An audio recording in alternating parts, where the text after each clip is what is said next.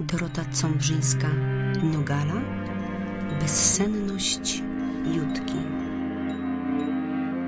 Wydawnictwo Literatura. Czyta Michalina Jarmusz. Część druga. Estera i Jutka leżały w łóżku ciasno do siebie przytulone, bo w nocy zrobiło się tak strasznie zimno, że woda, co stała w wiadrze na korytarzu, zamarzła. Dziadek znowu siedział przy stole i pobrzękiwał pięcioma drutami, na których tym razem robił skarpetki w obrzydliwym brązowym kolorze. Estera śpiewała Jutce piosenkę, żeby ta szybciej usnęła, ale nie pomagało. Wszystkie rybki śpią w jeziorze, ciulajla, ciulaj, lala. A ta jedna spać nie może, ciulajla, ciulaj, lala. A dlaczego ta jedna nie może spać? Dopytywała się Jutka. A ty dlaczego nie możesz? Odpowiedziała pytaniem na pytanie ciotka. Nie wiem. No właśnie, rybka też nie wie. Musi być jakiś powód, że ta jedna rybka nie może spać. Pewnie jest, zgodziła się sennym głosem Estera. Na pewno.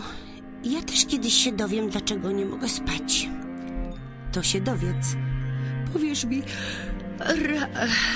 Ciotka nie dała rady dokończyć zdania i usnęła w pół słowa. Ciociu, a co było dalej z tymi rybkami? Ciociu Esterko. Zasnęła. Dziadku, ona znowu zasnęła. Dziewczynka rozłożyła ręce nad kołdrą. Trudno, przykryj się. Ja ci opowiem o greckim potworze. Dawno, dawno temu na pewnej greckiej wyspie mieszkał sobie król, którego żona urodziła syna pół byka, pół człowieka. Czy to możliwe? To mit, czyli bardzo stara, wymyślona historia. Może nie jest zupełnie prawdziwa, ale uczucia, o których mówi, są prawdziwe. Czyli co? No, uczucia. Miłość lub jej brak, wstyd, zazdrość, zdrada. One są podobne w prawdziwych ludzkich historiach i w tych zupełnie fantastycznych. Poczekaj chwilę, daj opowiedzieć, poprosił dziadek, pobrzękując energicznie drutami. Król i królowa tak bardzo wstydzili się swojego syna, że zamknęli go w labiryncie, gdzie mieszkał zupełnie sam. Jak ten kołek? Jaki kołek? E, w płocie. E, co mi niedawno opowiadałeś, że twój przyjaciel Leon został sam jak kołek w płocie. No właśnie, tak samo. Nikt go nie przytulał, nikt go nie kochał. Zapomniałeś powiedzieć, jak miał na imię. E, bohater bajki zawsze ma jakieś imię. Jutka pouczyła dziadka surowo. E, rzeczywiście zapomniałem. Królewskie dziecko miało na imię Minotaur. E, jak już wspomniałem, nikt go nie kochał. Nie uczył go, nie wychowywał, dostawał tylko jedzenie. Jedzenie? Ożywiła się dziewczynka. Tak, w miarę jak dorastał, był coraz bardziej głodny i głodny, wprost nie do wyobrażenia. Josek na pewno jest e, sobie w stanie coś takiego wyobrazić. Co tam? Machnęła lekceważąco rączką. On taki głód zna bez wyobrażania. I w ogóle nie można było tego głodu zaspokoić, ciągnął dziadek. To zupełnie jak Josek. E, on też nie, e, on też jest nieustannie głodny. I inni moi koledzy i koleżanki, oni też są ciągle głodni. To zupełnie coś innego, moja droga, oburzył się dziadek. Założę się, że Josek dałby się zamknąć w tym labiryncie, gdzie tak dobrze karmią, choć nie uczą. Dla niego to nawet lepiej, bo on nigdy za szkołą nie przepadał. Ciągnęła Jutka, a dziadek kręcił się na swoim twardym krześle coraz niespokojniej. E, Do szkoły chodził zanim ją zamknęli, dlatego tylko, e, że dawali zupę i nie było tak strasznie zimno jak w domu. No, niemożliwa jesteś. Słuchaj mnie i nie przerywaj. Potem będziesz zadawała pytania. A jak zapomnę? Trzymajcie mnie, zawołał dziadek, rzucając swoją robótką na stół. Podszedł do wnuczki, usiadł na brzegu łóżka i podjął przerwany wątek o Minotaurze. W końcu głodny i zły Minotaur zażądał ludzkiego mięsa i król musiał mu dawać młode dziewczęta i młodych chłopców na pożarcie. Nawet jak któregoś zdołało uciec spod krwiożerczych łap i kłów Minotaura, ginęło w ciemnych korytarzach labiryntu zbudowanego przez Dedala, błądząc jak duch i nie mogąc znaleźć wyjścia. Aż pewnego razu na wyspę przybył Tezeusz, który przechytrzył Minotaura. Od swojej ukochanej Ariadny dostał kłębek nici. Przywiązał koniec do głazu przy wejściu i poszedł szukać potwora. Kiedy go znalazł, a właściwie kiedy Minotaur znalazł jego, kierując się swoim niezawodnym węchem, Tezeusz wyciągnął wielki miecz i zabił go. A potem, zwijając nitkę z powrotem w kłębek, wrócił do wyjścia. Dziadek zakończył. Jutka wpatrywała się w niego bez słowa. Minęło kilka minut, zanim spytała. Czy ten labirynt był e, taki jak więzienie? Skąd wiesz o więzieniu? Od Joska. E, jego wujek tam siedział. Ciemno tak samo jak w labiryncie. I biją, e, jeść nie dają i też e, trudno z niego wyjść. Tak, to z pewnością podobne miejsce. Masz jeszcze jakieś pytania? spytał zmęczonym głosem dziadek. Teraz to już nie pamiętam, oznajmiła Jutka. To dobrze, westchnął ciężko dziadek. Czekaj, czekaj, e, przypomniałam sobie jedno. E, poszła baba na rynek kupić sobie bębenek. Za ile? Co? E, no za ile? dopytywała się Jutka. Nie wiem, odpowiedział dziadek zgodnie z prawdą. Za złoty bałuckiej roboty, obwieściła triumfująco. Zaśmiał się dziadek.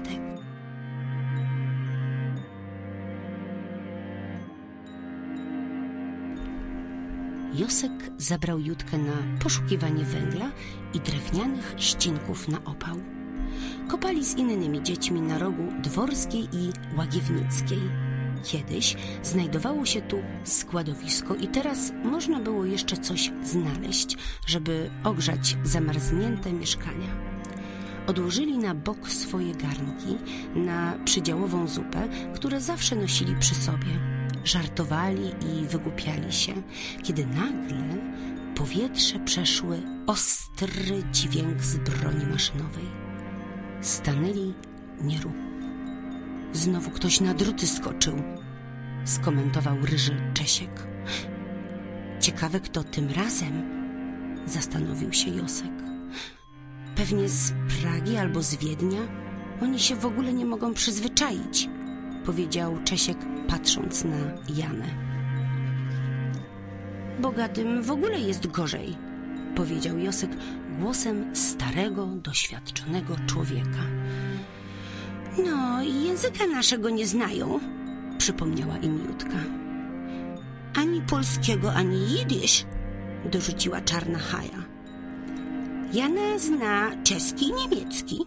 Jutka czuła się w obowiązku bronić Jany. Niemiecki! Tfu! Splunęła na ziemię Haja.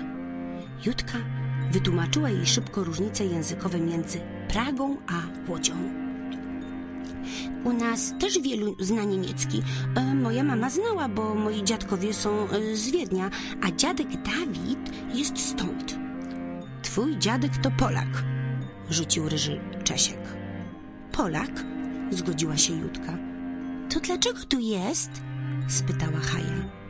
E, jest i Polakiem, i Żydem, wyjaśniła im Jutka. Tak mi powiedział i ja tak samo. Akurat, jak nie znasz jidysz, to jesteś tylko Polakiem i już! Uparł się Czesiek. Już mieli się pokłócić, ale pojawił się policjant i czym prędzej rozpieszli się jak stado wróbli, unosząc ze sobą garnki i worki z odrobiną węgla, patyków i śmieci do spalenia. Z za chmur wyszło zimowe słońce. Jutka wróciła zziębnięta do domu, ale dumna z powodu kilku węgielków, które przyniosła. Dziadek podał jej wodnistą zupę z kawałkiem chleba, a potem kazał ćwiczyć pisanie liter w zeszycie w trzylinie. Wawelski siedział na oparciu krzesła i obserwował proces powstawania liter, a nawet sfrunął, myśląc, że wielkie S jest robakiem i rąbnął w nie dziobem. O, dziurę mi zeszycie zrobił, zaśmiała się Jutka. Nie mogę dalej pisać, bo mam zepsuty zeszyt, powiedziała i narysowała długą na całą stronę dżdżownicę i Kawron znowu postanowił na nią zapolować. Znowu go oszukałam, zaśmiała się z rozczarowanego ptaka. Pisz. Nie chcę, kaprysiła Jutka. Dlaczego tylko ja mam się uczyć? Masz się uczyć, bo gdyby nie wojna, byłabyś w pierwszej klasie. Ale jest wojna.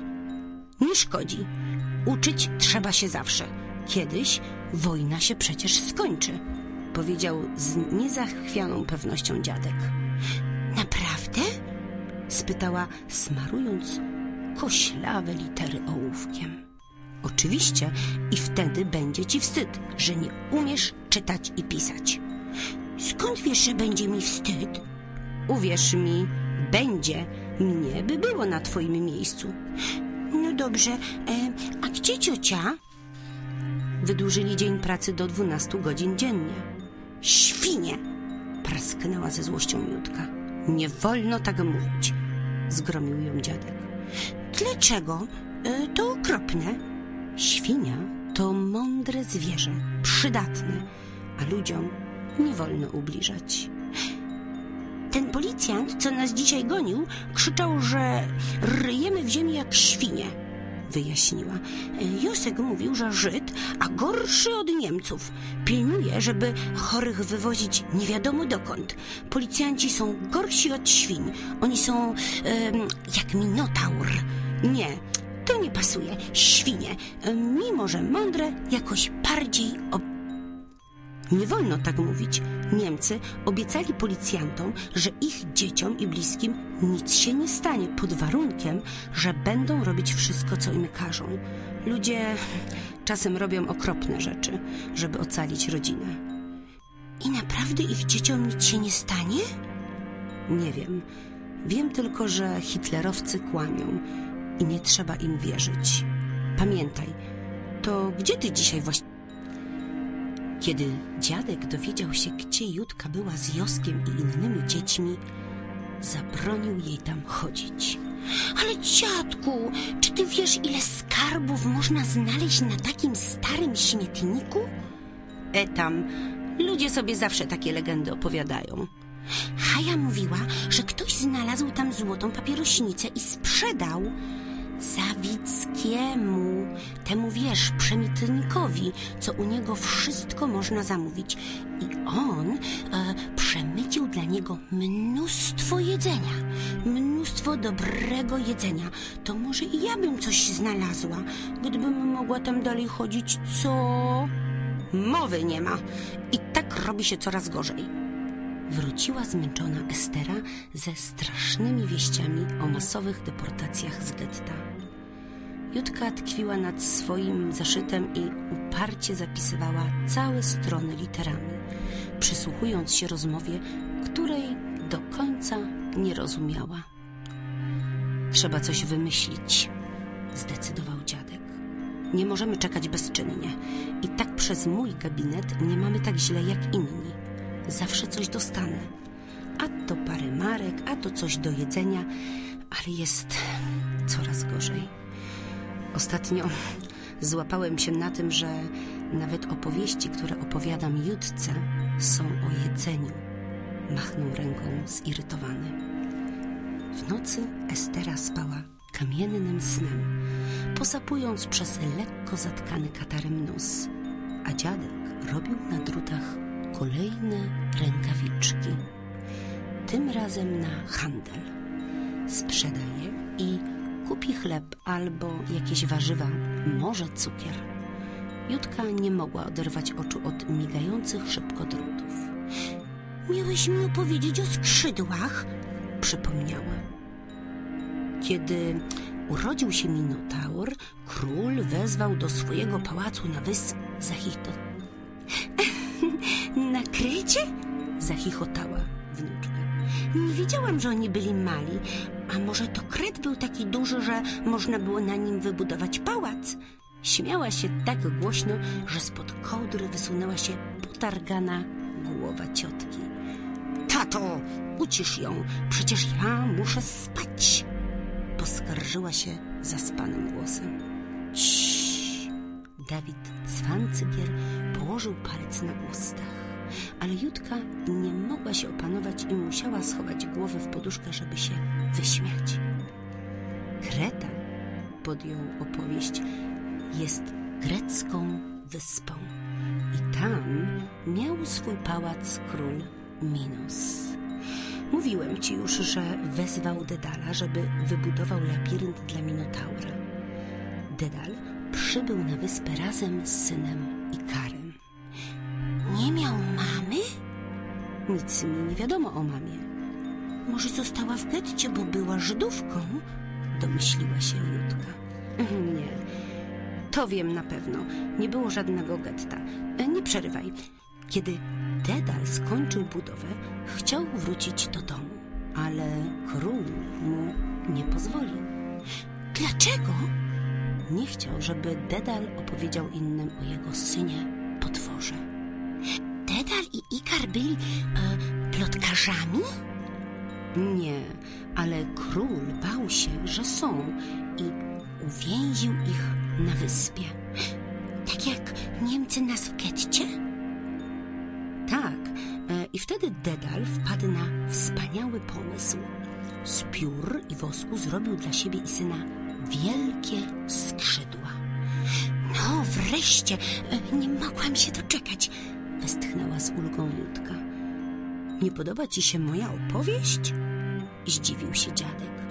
Podoba, ale ty opowiadasz i opowiadasz, a ja czekam i czekam na te skrzydła. Wreszcie są, lubię porządek w opowiadaniu. Doczekałaś się. Dedal i Ikar przywiązali skrzydła do ramion. Ojciec ostrzegł syna, żeby nie leciał za wysoko, bo słońce roztopi wosk i spadnie. Za nisko nad morzem też nie.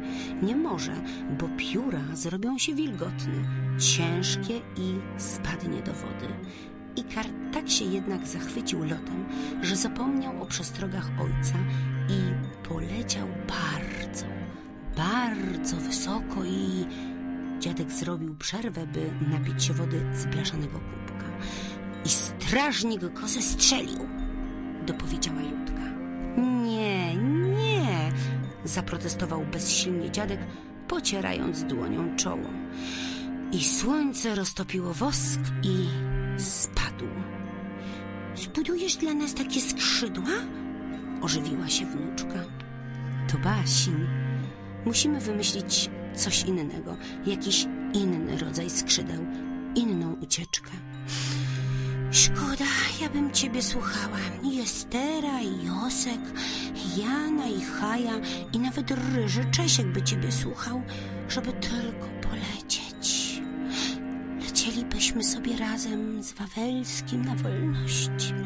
Może nawet do Zgierza. Jutka usnęła, marząc o wspaniałym locie. Słuchaj, Jutko, powiedział dziadek pewnego dnia. To było wtedy, kiedy poszedł gdzieś słuchać w tajemnicy radia. W getcie nie można było tego robić. Nie wolno było nawet mieć radia. Dawid myślał, że wnuczka nie słyszy jego rozmowy z córką Esterą o tym, że radio BBC podało wiadomości o obozach dla Żydów, z których się nie wraca. Pobawimy się dzisiaj w chowanego, dobrze? Hurra!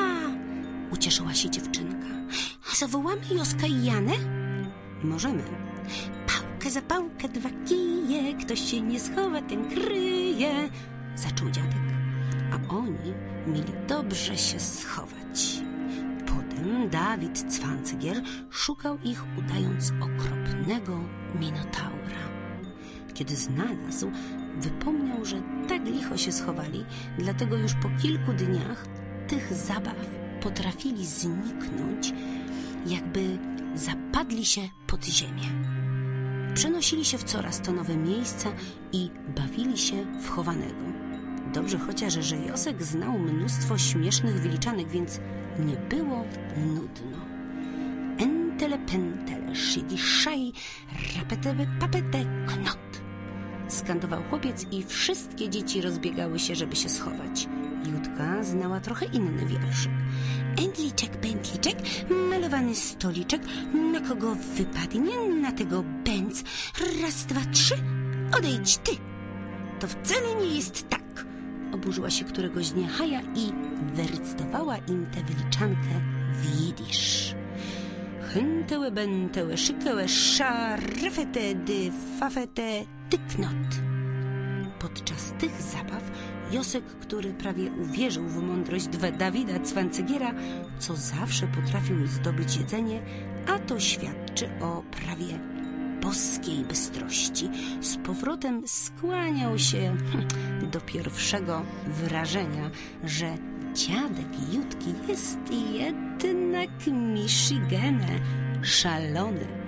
I tak go lubił, bo zawsze miał w kieszeniach jakieś smakołyki. Czasami przyłączały się do nich inne dzieci. Najlepsza w zabawie wchowanego okazała się jednak Jutka. Potrafiła również skradać się bezszelestnie za plecami szukającego, żeby się zaklepać. Po ciężkiej, mroźnej zimie, w odciętym od świata getcie ludzkim, kiedy od mrozu zmarło wielu ludzi, przyszła wiosna. Na oknach pojawiły się skrzynki, ale wcale nie było w nich kwiatów, tylko buraki, zielony groszek, cebula i inne praktyczne warzywa. Babcia Jany zrobiła się strasznie gruba. Jutka bardzo się zdziwiła, skąd ona taka gruba, skoro wszyscy głodni, a Josek wyjaśnił jej, że ludzie puchną z głodu. Ciotka Estera wyciągnęła z jakiegoś zapomnianego pudła na szafie skakankę. I teraz na podwórku Jutka skakała i recytowała wierszyk, a Jana i Haja czekały aż skusi. Ptaki śpiewały tak pięknie, jakby specjalnie chciały im uprzyjemnić zabawę. Triumf, triumf, misia Bela, misia Kasia, konfacela, misia A, misia B, misia Kasia, konfacela. Haja zawsze się kłóciła, że ich wyliczanki brzmią nie tak, jak powinny i dlatego gorzej jej się skacze. I rzeczywiście, chociaż Jutka wcale nie mówiła skuś baba na dziada, skuś baba na dziada, koleżance co chwilę sznurek zaplątywał się między nogami. A jak się wylicza? pytała Jutka. Tak. Ane, dane, trykanel, miste, maste, kampanele, kampa a, kampa bo, miste, maste, kampa. Wyrecytowała Haja, ale i tak szybko skusiła. Hm, złej baletnicy przeszkadza rąbek u spódnicy. powiedziała Jutka i przetłumaczyła Janie. Ale Jana wcale się nie śmiała, tylko pokiwała smutno głową i powiedziała, że Haja nie ma siły skakać, bo mało je. I Jutce zrobiło się bardzo przykro. Bardzo przykro, że dokuczyła koleżance. Pograjmy w coś e, innego, zaproponowała. E, może w berka? Nie. Chodźmy oglądać tramwaje, zaproponowała Haja. Może będziemy mieć szczęście i ktoś coś rzuci do jedzenia. Jak to? spytała Jutka. Tramwajarze, co jeżdżą przez getto, starają się wyrzucić jedzenie przez okno, wyjaśnił Josek, który zjawił się niespodziewanie na podwórku. Ciebie dziadek pilnuje, bo jesteś smarkata, ale my tam chodzimy. Nawet jak nic nie wypadnie, to i tak miło jest się pogapić na tramwaje. Wyobrażam sobie, że jadą takim jak król przez całe miasto. Kiedyś to mi chleb prawie prosto w ręce spadł. Rozmarzyła się na wspomnienie Haja. Tramwaje jeździły ulicą Zgierską. Polacy patrzyli przez okna na żydowskie dzieci. Jutka zobaczyła swojego gawrona, jak przeleciał nad ulicą i rzucił coś na jezdnię. A kiedy przejechała ciężarówka, sfrunął i złapał coś w dziób. Patrzcie! krzyknęła. Mój Wawelski znalazł gdzieś orzech i rzucił pod auto, żeby koła rozgniotły skorupkę.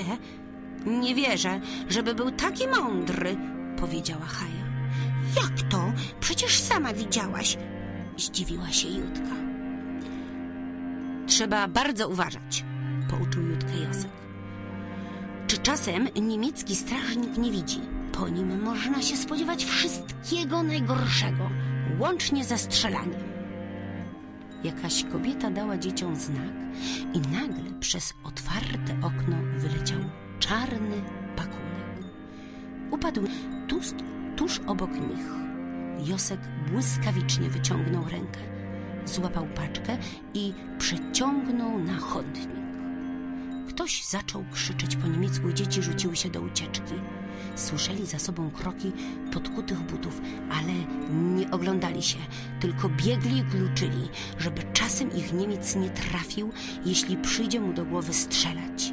Znali każdy zaułek, każde przejście, wiedzieli, przez które podwórka można sobie skracać drogę, gdzie da się przecisnąć między ciasną zabudową. Umieli po prostu zniknąć, zapaść się pod ziemię w labiryncie bałuckich domów, szop i komórek. Josek i Haja jeszcze dodatkowo wiedzieli, którzy ludzie na podwórkach są dobrzy, a którzy pomogą strażnikowi, a nie im. Jana i Jutka, zaprawione w zabawach chowanego, podążały za nimi bez ociągania. Powtarzały sobie w głowie wierszy.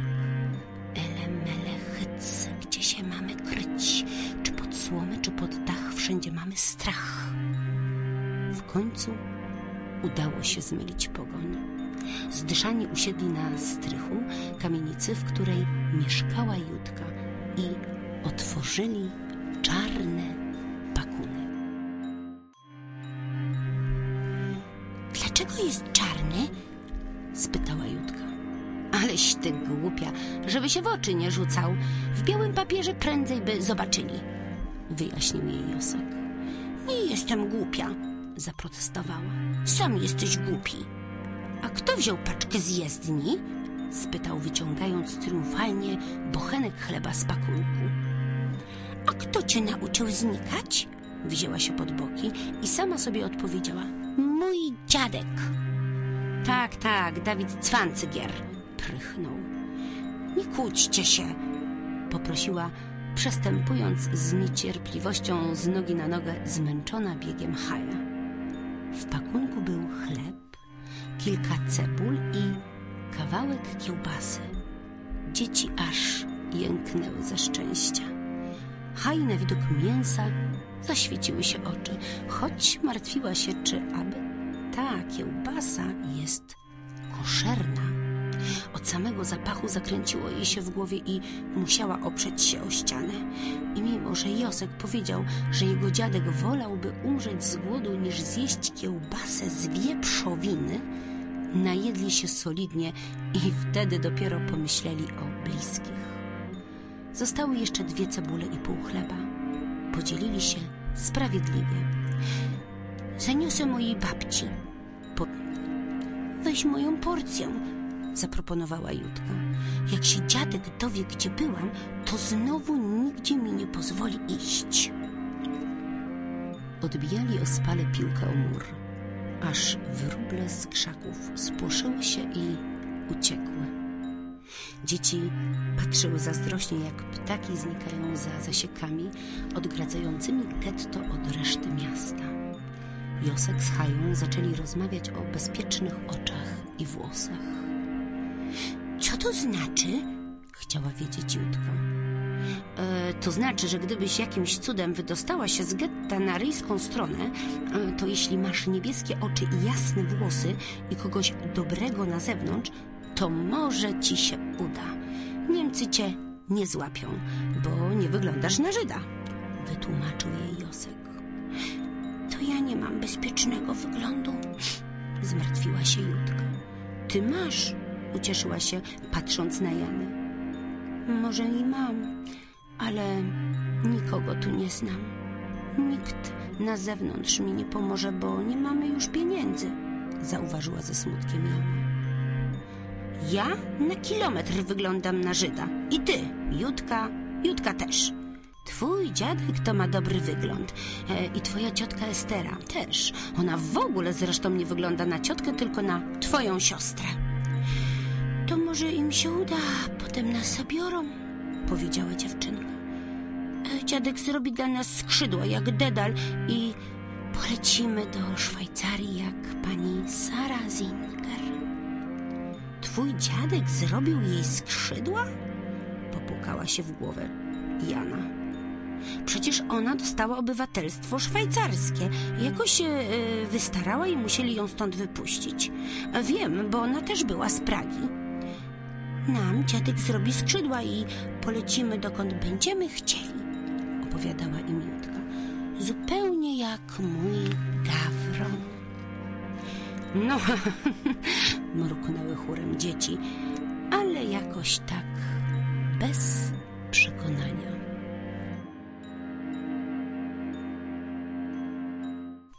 Projekt The Angels Team Fundacji na Rzecz Centrum Wielokulturowego w Warszawie sfinansowany z środków Miasta Stołecznego Warszawy Biuro Edukacji